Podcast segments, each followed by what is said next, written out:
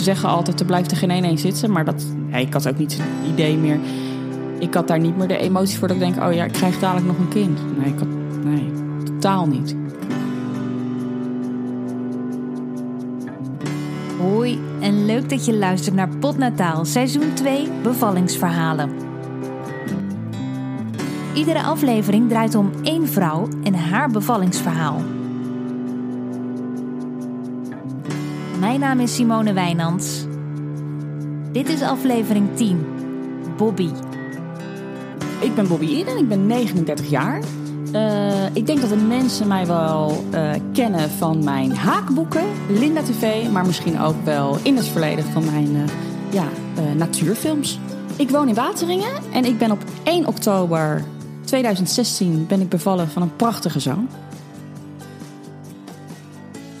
Bobby Eden, geweldig mens. Ik vind haar echt een heerlijke vrouw, openhartig, vol humor en ontzettend creatief. Want voordat we het over haar bevalling hebben, krijg ik even een kleine tour door haar huis en laat ze me zien wat ze in haar vrije tijd maakt.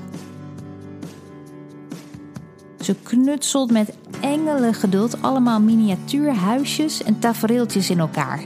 Het ene is echt nog mooier dan het andere. Ik kan het helaas niet laten zien in de podcast, maar neem van mij aan dat het prachtig is. Dan gaan we aan de keukentafel zitten met de koekjes die Bobby normaal gesproken verstopt voor haar man, die op dieet is, soort van. Waar begon haar bevalling mee? Ja, dat weet ik nog heel goed. Um, ik dacht toen zelfs eigenlijk dat het erbij hoorde, want bij mij wist het zelfs al heel vroeg begonnen dat ik al weeën kreeg. Ik heb zelfs met 31 weken in het ziekenhuis gelegen. En toen zei uh, de arts van mevrouw, uh, u moet dadelijk uh, naar een ander ziekenhuis, want wij vangen geen babytjes op onder de 32 weken. Dus ik zeg, ja, maar wat bedoelt u? En toen zei hij, nou, de baby komt eraan. Toen zei ik, nee, u snapt het niet. Ik heb pas aankomend weekend mijn puffcursus. Dit heb ik al heel lang. Uh, ja, dat was heel erg spannend. Vanaf toen mocht ik ook eigenlijk niks meer doen. Want gelukkig uh, is de kleine man blijven zitten. Maar ik had schijnbaar al vanaf week uh, ja, 3, 24 had ik zelfs al weeën. Maar ik heb nooit bedacht dat dat weeën waren. Ik dacht dat dat er echt bij hoorde. Maar dat was natuurlijk niet zo. Bobby's moeder maakt zich er zorgen om. En toen met 31 weken, toen heb ik uiteindelijk op aanraden van mijn moeder om haar gerust te stellen, mijn verloskundige gebeld. Die zei: Je gaat nu toch bellen, want dit is niet normaal. Ik zeg: Oh, maar mama, dit heb ik elke dag. Dit gaat de hele dag door. Dus je was gewoon een soort van aangewend of zo? Ik was ja. eraan gewend. En um, toen kwam mijn verloskundige en die ging natuurlijk even voelen toucheren. En die zei: uh, Je gaat even naar het ziekenhuis, want je hebt al ontsluiting. En dat was met die 31 weken? Dat was met 31 weken. En uiteindelijk heb ik dat uitgezongen tot 39 weken en drie dagen. Toen was de pijn zo heftig. Ik had ook heel veel pijn in mijn baarmoeder en mijn hele buik, want ik had een heel druk kindje. En ook best een groot kindje. En toen hebben ze dat met een ballon hebben ze, uh, bij mij um, het opgewekt uiteindelijk. Ja, want je was, je was wel gewoon thuis, maar je mocht waarschijnlijk ook niet veel doen dan. Denk ik mocht niks, maar ik kon ook niks. Dus ik had een soort mantelzorg hier. Dus als Mark dan boodschappen ging doen, dan kwam uh, of mijn vader of mijn moeder of de buurvrouw, die kwam letterlijk op mij passen. Want ik kon nog niet alleen naar het toilet lopen. Zo'n pijn ook. Ja, dat was heel ja. lastig. Ja. Want ook met Linda TV, dat deden we nog wel elke week. En dat was voor mij echt wel een soort van verademing. Dat je ook nog wat leuke dingetjes deed. Want hoe hoe rot mijn bevalling, of tenminste mijn zwangerschap eigenlijk was, en ook dadelijk mijn bevalling, maar daar gaan we het dadelijk over hebben, heb ik het wel echt als heel leuk ervaren. En heb ik nooit met de pakken daarbij neergezeten. Ik denk ook, ik had ook helemaal geen moedswings. Ja, je was er wel op een gegeven moment klaar mee. Maar ik ben ook niet. Uh, ik heb denk ik twee keer in mijn uh, zwangerschap dat ik echt dacht van. Uh, ik zie het niet meer zitten en waarom moet ik huilen? Um, maar ja, dat, ja, het was gewoon lastig dat ik gewoon niks, niks kon. Dat je afhankelijk was van, van anderen. Ja, ja dus het ja. baby shopping, wat je allemaal in je hoofd hebt. En de Insta-fit mummies, wat je in je hoofd hebt. Wat er allemaal zo gezellig uitziet. Hè? Met zo'n doorzichtig leuke jurk en dan alleen je buik. Uh, nou, dat ging hem ook niet worden.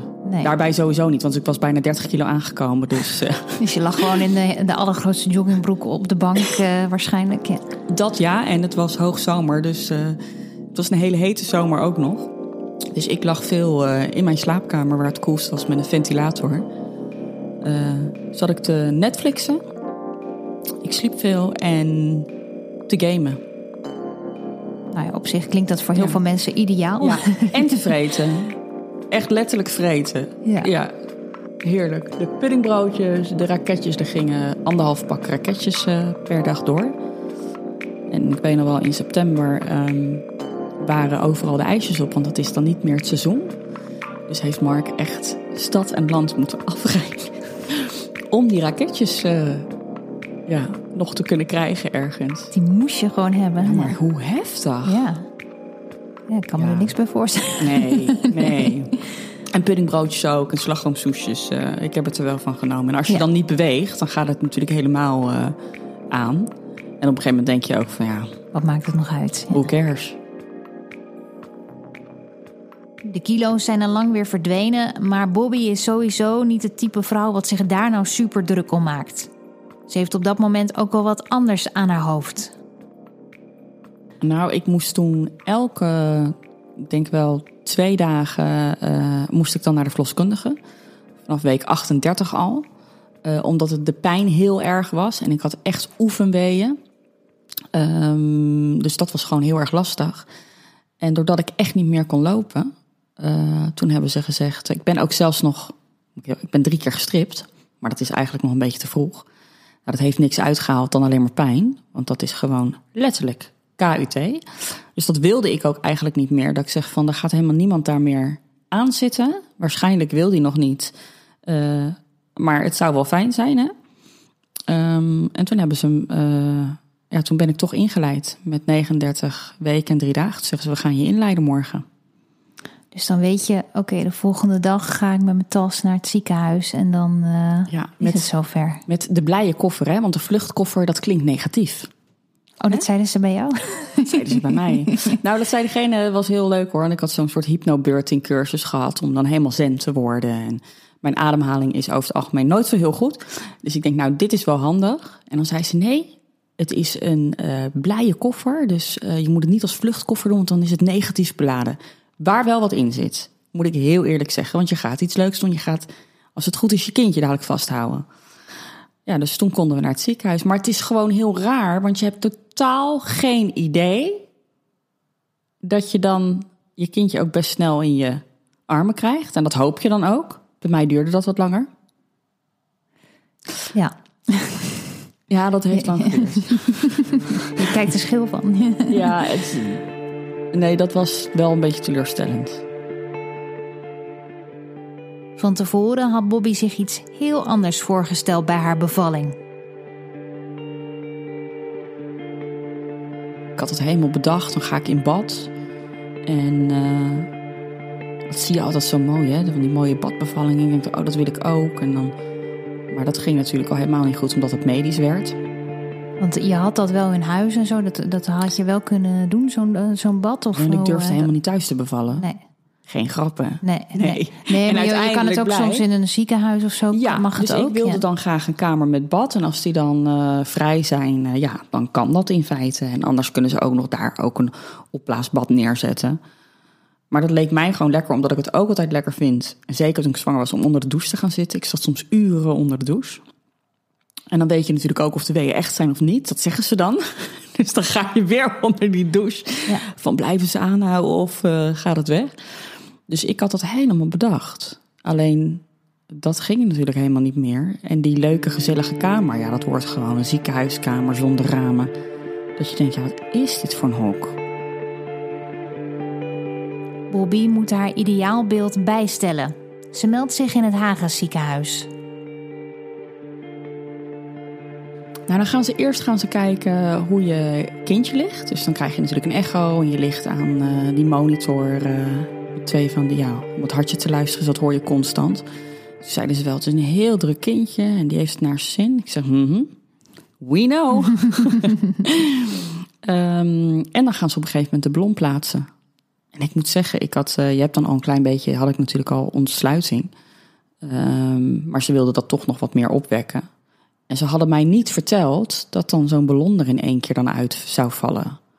Dus een paar uur later, dat was al heel snel. Want ik had diezelfde avond ook nog steeds het gevoel van ik heb weeën. Maar ja, dat zei ik niet echt. Ja, het is wat het is. Ik heb dit al heel lang. Dus ik weet nog wel dat ik op het toilet zat s'nachts. En uh, dat ik denk van, ah, oh, weer eventjes naar het toilet. Toen viel die ballon eruit. Nou, ik raakte helemaal in paniek. Ik denk, dit kan nooit goed zijn natuurlijk. Dus ik op het knopje druk. Dat ding is eruit, dat ding. en eerst dat je ook echt zo te kijken van... Maar nu dan? Je bent gewoon in shock. Je, denkt, je dacht je kind is uitgevallen of nou zo. of, uh... Je weet gewoon totaal niet van is dit goed? Had het nou moeten blijven zitten? Moeten hun dat prikken? Dat is gewoon naar mijn gevoel niet heel goed uitgelegd. Of het is uitgelegd, maar het is gewoon langs me heen gegaan. Ja. Want je bent gewoon met hele andere dingen bezig dan dat je denkt van oh ja, dadelijk gaat het gebeuren. Um, maar toen zei ze nee, dat is goed, want dan heb je meer ontsluiting. En ik denk oh ja, nou mooi dan. Prima. En hoe, hoe voelde je verder op dat moment? Nou, ik was er helemaal klaar voor, want ik was in het begin dat ik was, ik heel bang voor de bevalling. Um, en uiteindelijk had ik zoiets van, je groeit daar toch naartoe. Dus toen had ik zoiets van, nou weet je, het is prima. En ik heb uh, wel honderdduizend keer Call the Midwife gekeken. Dus ik denk, zo erg kan het allemaal niet zijn als er daar wat misgaat. Want we leven hè, in 2016 was dat. Ik denk, dan komt het allemaal helemaal goed. Dus ik had er ook echt zin in. En ik denk, dadelijk die kleine. Het is geen pretje, maar gaat goed komen.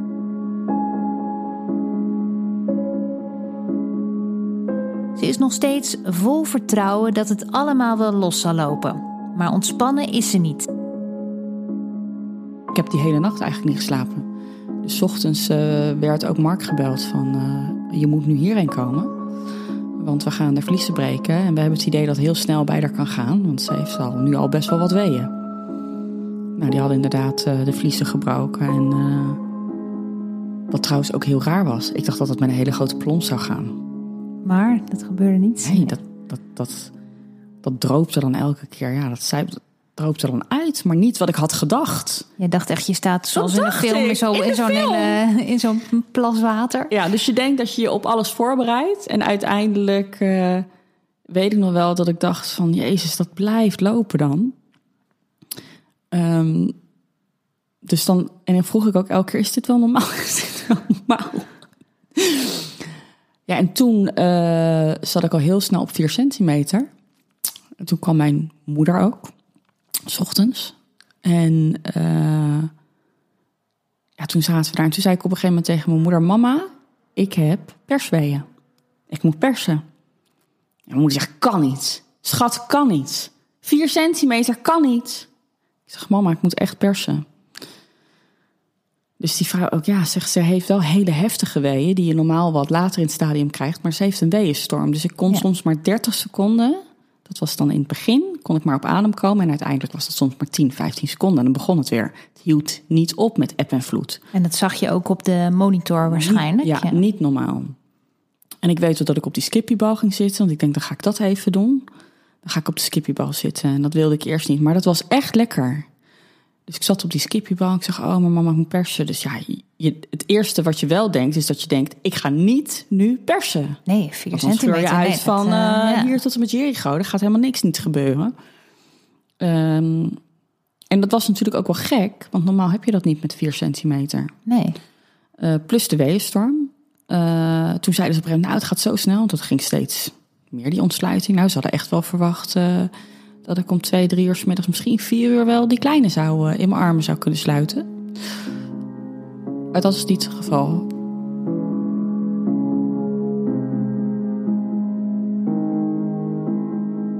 Ze is er nog bij lange na niet. En het ergste heeft ze op dat moment ook nog niet gehad. Ze heeft een weeënstorm en persweeën, maar al veel te vroeg.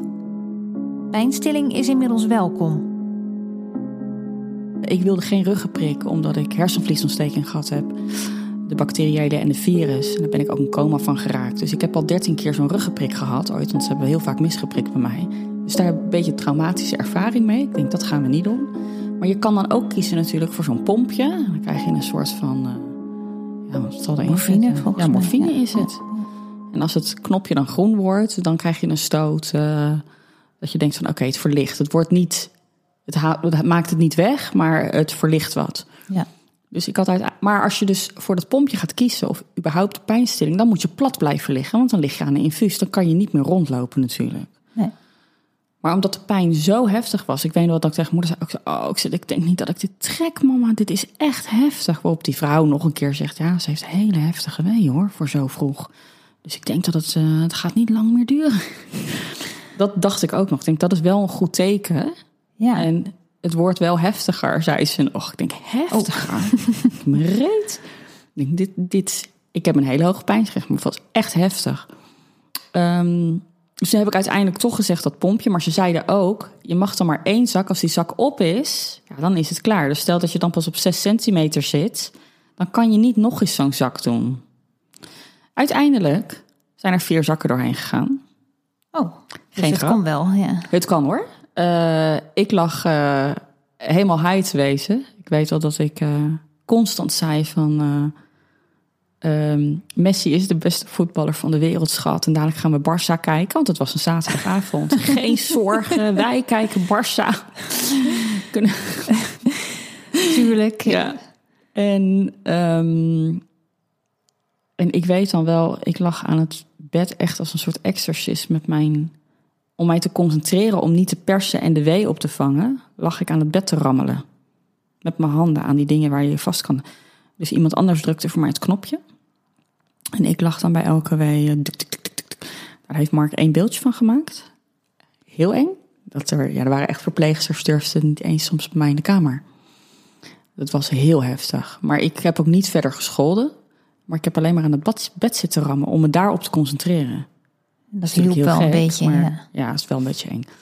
Ehm, en ik weet ook nog wel dat ze op een gegeven moment zei: Ik snij maar mijn buik open.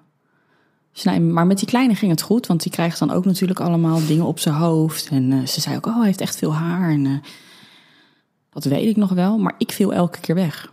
Maar waarom ademde zeiden ze niet, niet. want, ik vind het al zo gek dat, dat je persweeën hebt en dat ze dan daar, doen ze daar dan helemaal niks mee? Kunnen ze daar niks Nee. tegen doen? eh? Maar er zijn, Ja. er zijn natuurlijk wel wat fouten gemaakt en dat gaan ze nooit toegeven.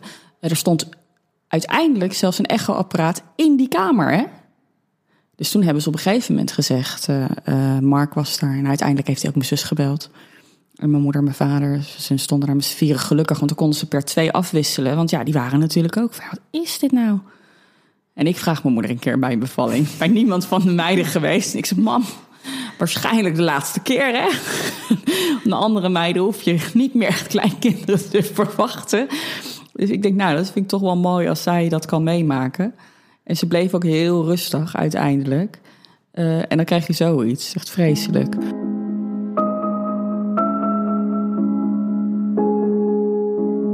Ondanks dat is ze blij dat ze haar moeder erbij heeft.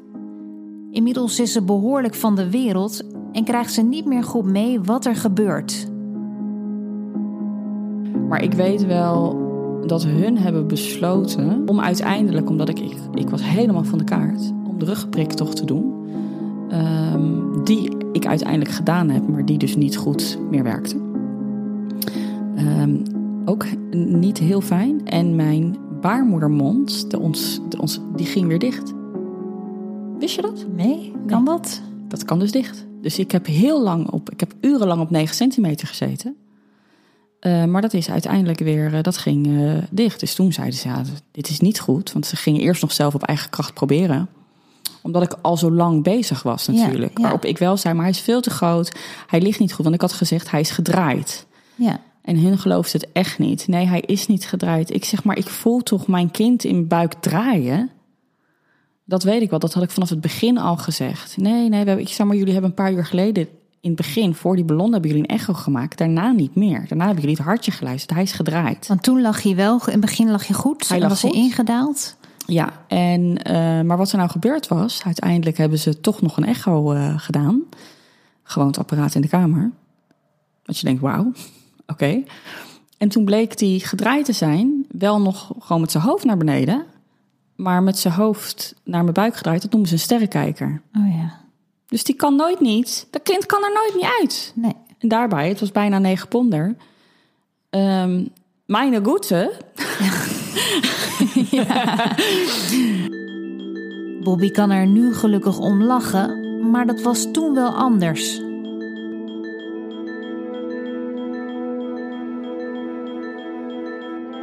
Ja, dat was echt wel heel heftig. En toen hebben. Toen heeft echt uh, Mark en mijn zus en mijn moeder die hebben gezegd: Ja, maar dit kan niet. Jullie gaan hier nu wat aan doen. Ja. En toen, uh, toen hebben hun uh, de beslissing inderdaad genomen: van ja, het kan ook niet anders. We gaan voor een keizersnede. Want, toen, want je zat toen al wel op de 10, of nog steeds niet op de 10 centimeter. Nee, ik heb, om, op 9, 9,5 centimeter geloof ik constant gezeten. Urenlang. Dus je hebt ook nooit uh, mogen toestemming gehad om te mogen persen überhaupt? Nee.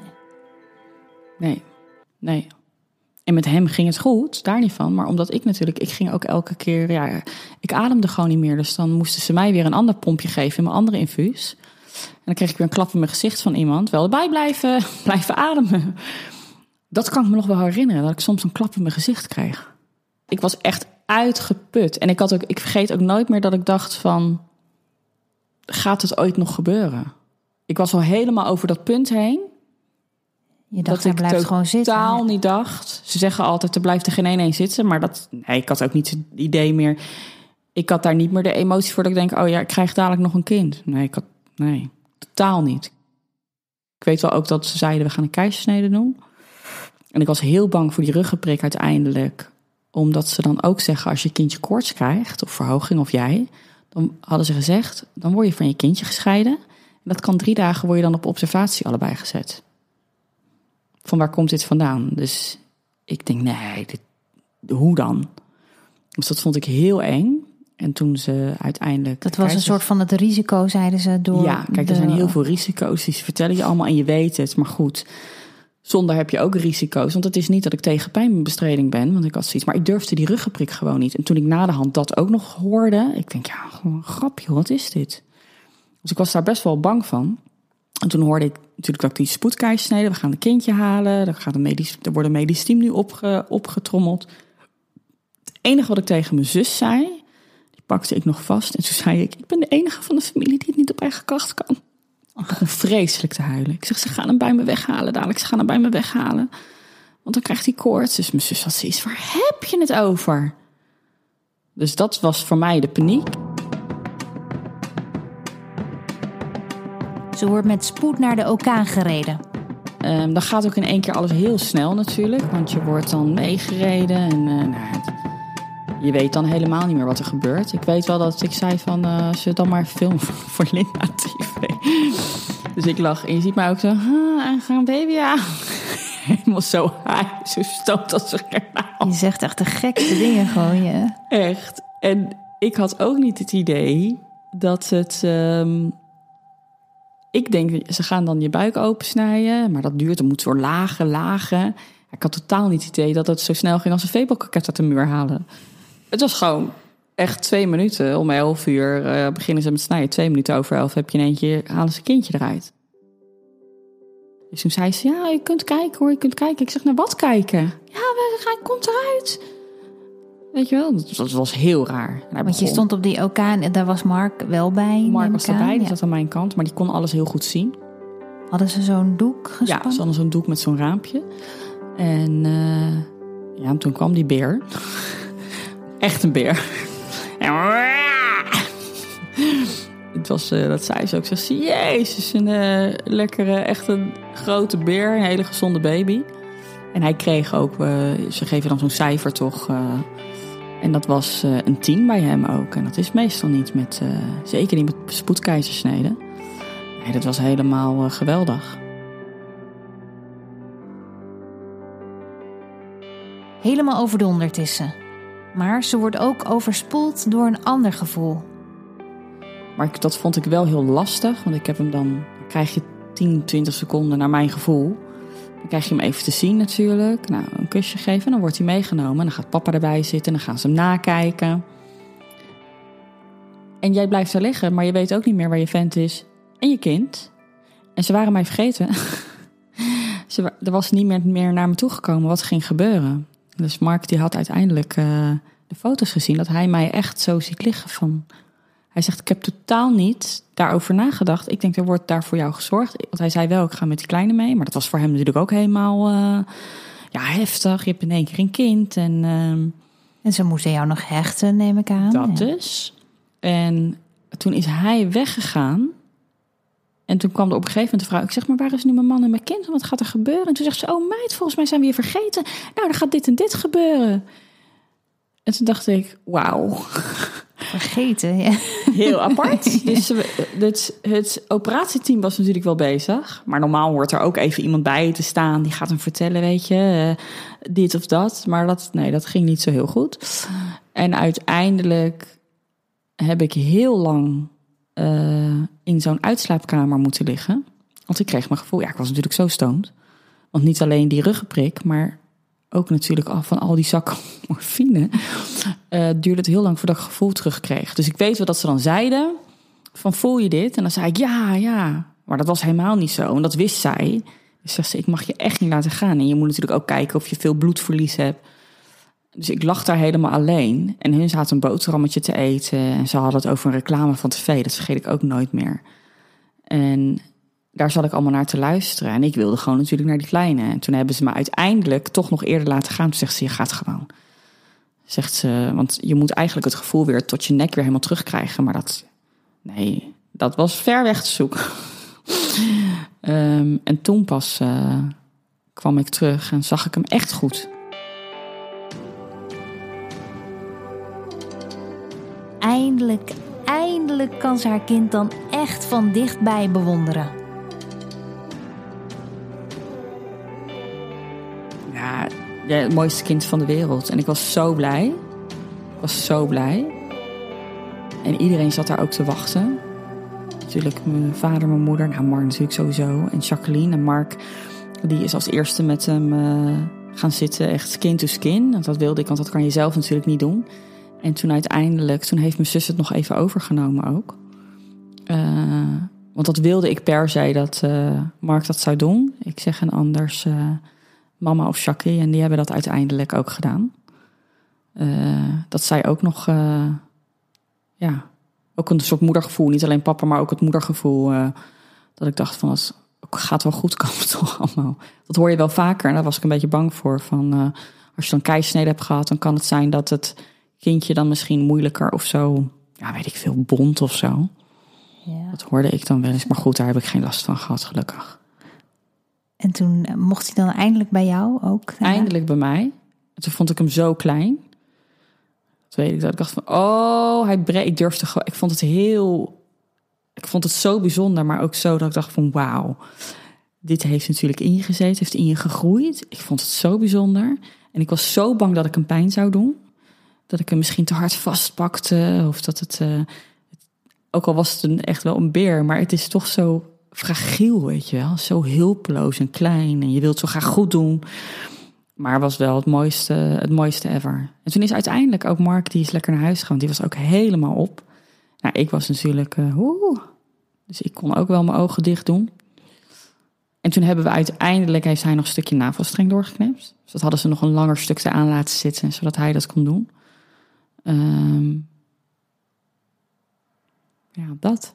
Toen Ja, heeft die mevrouw heeft hem aangekleed inderdaad. ja. Waar die allemaal niet in paste.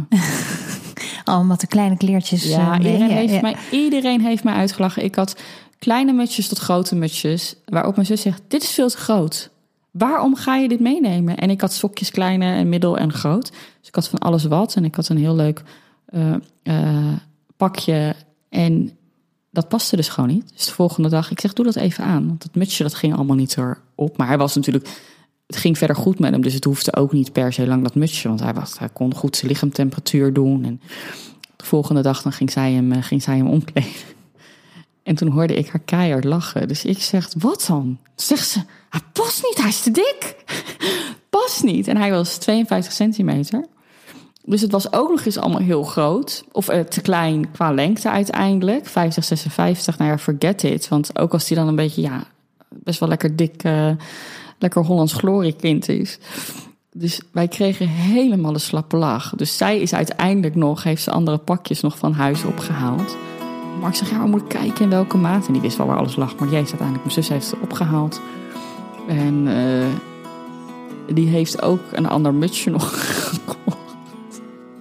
Die kon jij niet even haken nog. eh. Nee, oh man, ik was blij dat ik leven Ja. had. Godsamme. Hoewel ze heel blij is, voelt ze zich aan de andere kant super slecht.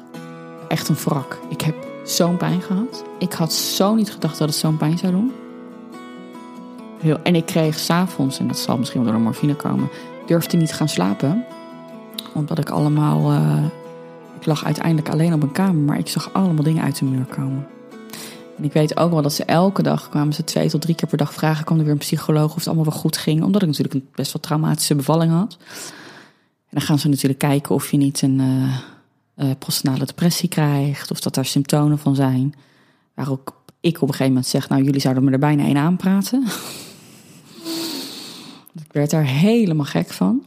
En ehm, toen moest ik ook nog een nacht langer blijven, omdat ik nog. eh, ja, ik had gewoon te veel pijn. Ehm, en toen, de dag dat ik naar huis zou gaan, verloor ik ook nog wondvocht. Dus wilden ze me eigenlijk nog een nacht laten blijven weer. Toen zei mijn verloskundige, of eh, mijn kraamzorg, die zei... eh eh, Cher, dat is echt de liefste schat van de wereld. Die zegt van nee, zegt ze, ze kan komen, want ik ben hier. En je krijgt ook langere kraamzorg. ja, volgens mij krijg je een paar uur langer of zo. En ook langer volgens mij in plaats van een paar dagen krijg je ook weer een paar dagen extra. Dus die heeft mij heel goed verzorgd. En eh, ik was heel blij dat ik uiteindelijk thuis was. Uiteindelijk moet Bobby eigenlijk herstellen van twee bevallingen in één. Ik heb al die uren die perswegen gehad die je moet tegengaan. Dus daar concentreer je je op. Ehm, ja, mijn lichaam was gewoon echt wrak. En mijn borstvoeding kwam allemaal niet op gang.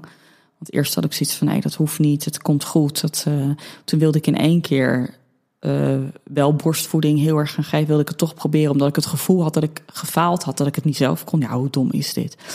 Nooit gedacht dat ik zo zou denken, zodat het mezelf overkomt. Want als andere vrouwen dat willen zeiden... meid, je hebt gewoon een kind op de wereld gezet. Maakt uit hoe en bla, bla, bla. Op puntje bepaald had ik echt het gevoel dat ik het ook niet goed had gedaan. Voor jezelf ben je dan toch Ja. streng of zo, hè? Ja, Zo absurd, stom. hè? Ja. Zo stom dat Mark op een gegeven moment zei... schat, doe rustig aan en maak je niet druk. Het is goed, weet je. Maar ik wilde dat per se. En pas na, ik geloof, zeven, zes, zeven dagen... toen zei mijn kraamzorg, die was die kleine aan het verschonen. En eh, toen begon die te huilen. En toen kreeg ik in één keer, kwam die borstvoeding op gang. Ik zeg, oh mijn god, zei ik, het loopt eruit. Begint.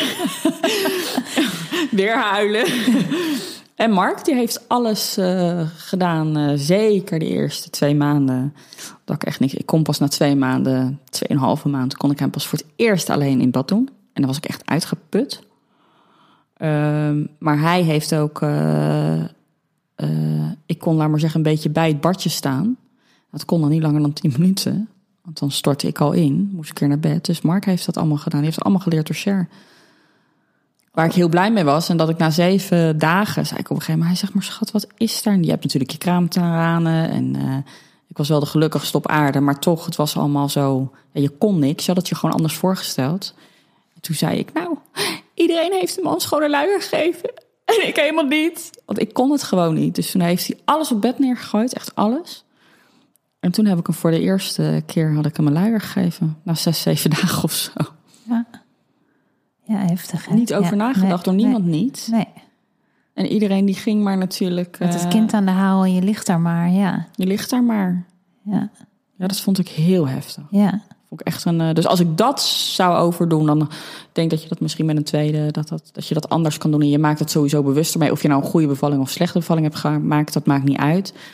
Ehm, maar dat is denk ik wel, als je een tweede zou hebben, dan maak je het anders mee. Be- bewuster, denk ik ook.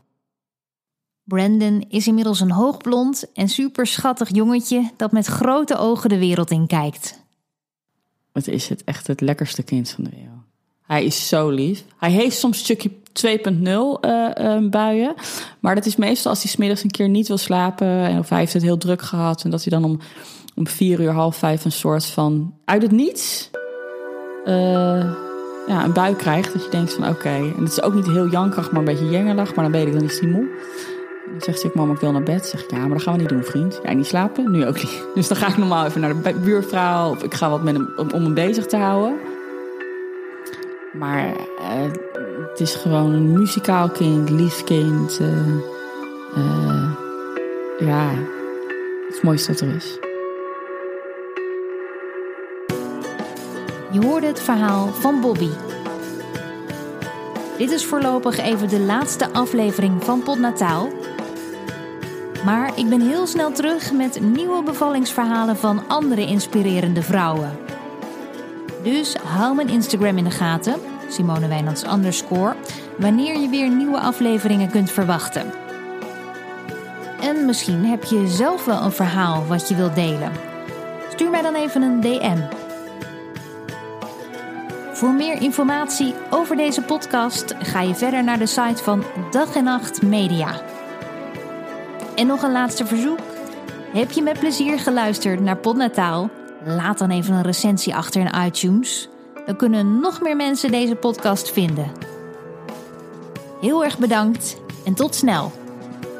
En ik heb nog gekolfd uiteindelijk. Niet heel lang meer borstvoeding gegeven. Arme kind, uh, zijn hoofd was twee keer zo klein als mijn borst. Ah, het is, vreselijk, toch vreselijk. Met die tepeltjes, jezus jongens, hou op met me.